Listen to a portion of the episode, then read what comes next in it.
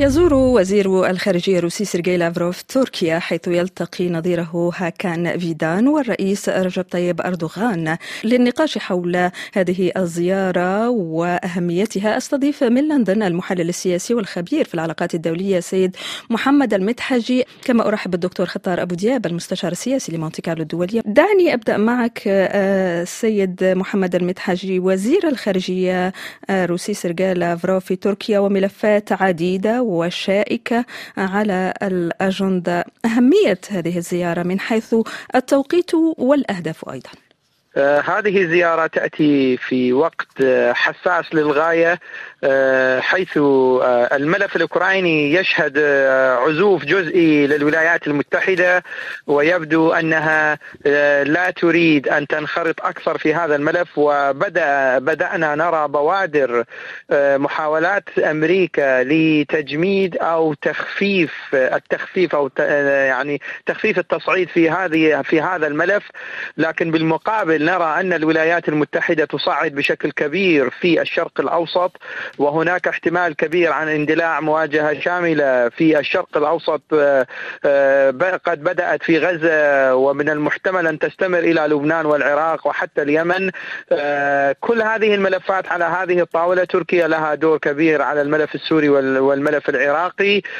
وهناك علاقات وطيدة بين تركيا وروسيا وكذلك تركيا في حلف الناتو و يمكن لها أن تلعب دور آه، لتخفيف التصعيد بين الناتو وروسيا في ظل التصريحات النارية والنووية التي نسمعها الآن من موسكو وكذلك من باريس إرسال قوات برية إلى أوكرانيا، كل هذه الملفات آه، ستكون على هذه الطاولة.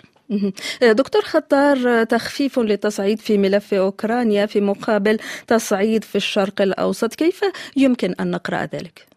هذه الزيارة لافروف إلى تركيا كأنها زيارة سنوية إذ أنه بعد العملية الروسية الخاصة كما تسميها موسكو والغزو الروسي لأوكرانيا حسب المعيار الغربي هناك حصلت أول زيارة خلال المنتدى الدبلوماسي الدولي في أنطاليا آه، في ربيع العام 2022 وفي آه، إبريل من العام 2023 عاد لافروف مرة ثانية إلى تركيا. واليوم آه، في شهر مارس من 2024 يعود إليها.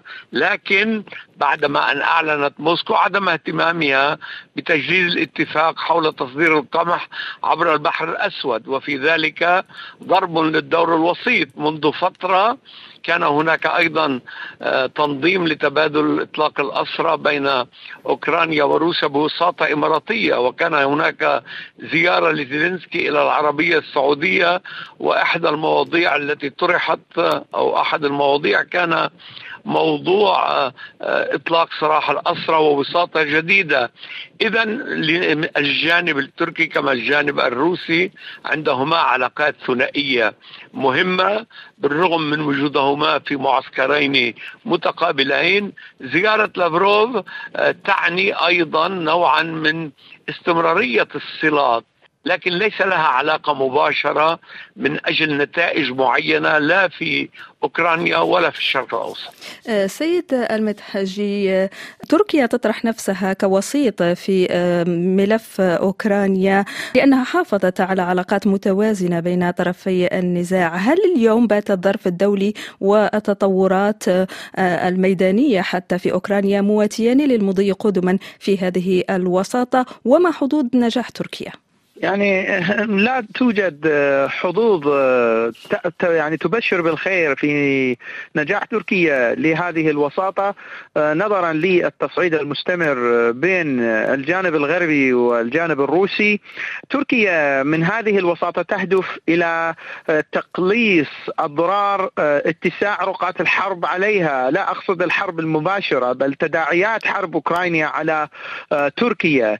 وروسيا لديها سياسة معلنة غير معترف بها يعني لم تعترف بأن لديها هذه السياسة وهي إعادة بسط سيطرة روسيا على شواطئ البحر الأسود. وتركيا ستتضرر من هذه السياسة الروسية غير المعلنة لكنها تطبق على الأرض قواعد هنا وهناك في دول شرق بحر بحر الأسود.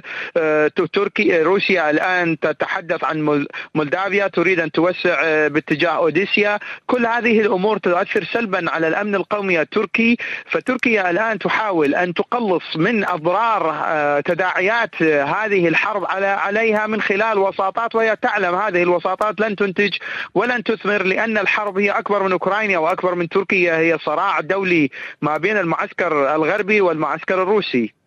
دكتور خطار يقول ضيفي بأن أوكرانيا أو تركيا تحاول تقليص أضرار تداعيات الحرب عليها. بالفعل تركيا دولة مهمة من الناحية الجيوسياسية في منطقة البحر الأسود وهي يعني متمركزة على المضائق على ممرات أساسية. وكانت أيضا نوعا من القاعدة الخلفية للاقتصاد الروسي. الاقتصاد الروسي بقي يتنفس لأنه كان هناك دعم صيني كبير له وكان هناك أيضا هذه الخلفية التركية. وتركيا تستفيد عبر وصول الغاز والنفط إليها وأيضا وساطتها في اتفاق الحبوب تحاول اذا تركيا التي كان يصل إليها أعداد كبيرة من السياح الروس المحافظة على علاقة يمكن أن تضر عليها اموالا عمولات صعبة في وقت يحتاج فيها اقتصادها إلى هذه العمولات. اذا كل طرف يسعى للاستفادة من الطرف الآخر وروسيا بحاجة إذا لهذا الانفتاح على تركيا. سيد متحجي بالعودة إلى ملف الحبوب وآلية تصديرها التي انسحبت منها روسيا وكانت قد بررت ذلك بفشل الاتفاق في الوفاء بالتزامات تسهيل الصادرات الروسية. أردوغان كان قد تحدث أيضا عن آلية جديدة من دون أن يعطي أي تفاصيل. هل نشهد اتفاقا في هذا الملف الشائك والمهم؟ لأنه كما نعلم أوكرانيا هي مصدر الحبوب للعالم.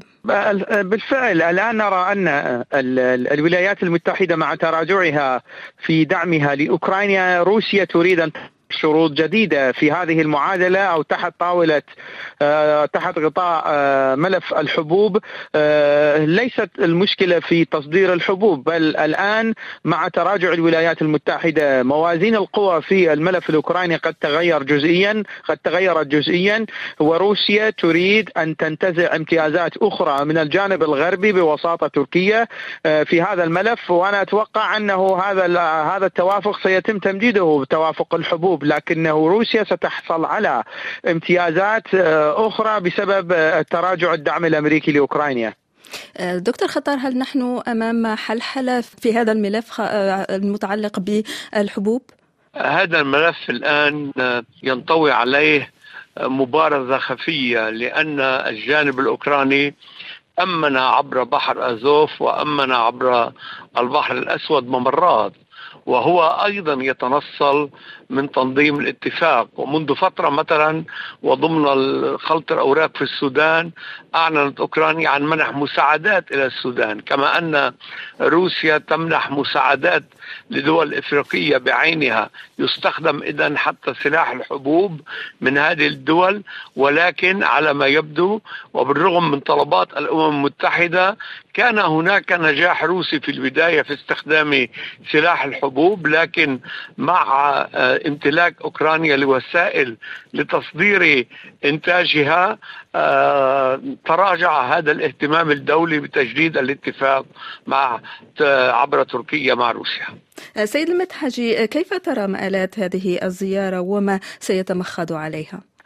سنشهد زيارة كما تفضل الدكتور هي زيارة روتينية يتم مناقشة ملفات عدة فيها وحتى أنا أتوقع أنه يتم مناقشة الملف المصالحة الفلسطينية التي تقودها روسيا ما بين الفصائل التي كانت تعارض في حركة فتح والآن نرى أنهم يقولون بأن حركة فتح هي الممثل الرسمي والوحيد لفلسطين وملفات أخرى في الشرق الأوسط. أنا أرى أن ملف سوريا أيضا حاضر في هذه المفاوضات مع التصعيد الأمريكي المرتقب في الشرق الأوسط.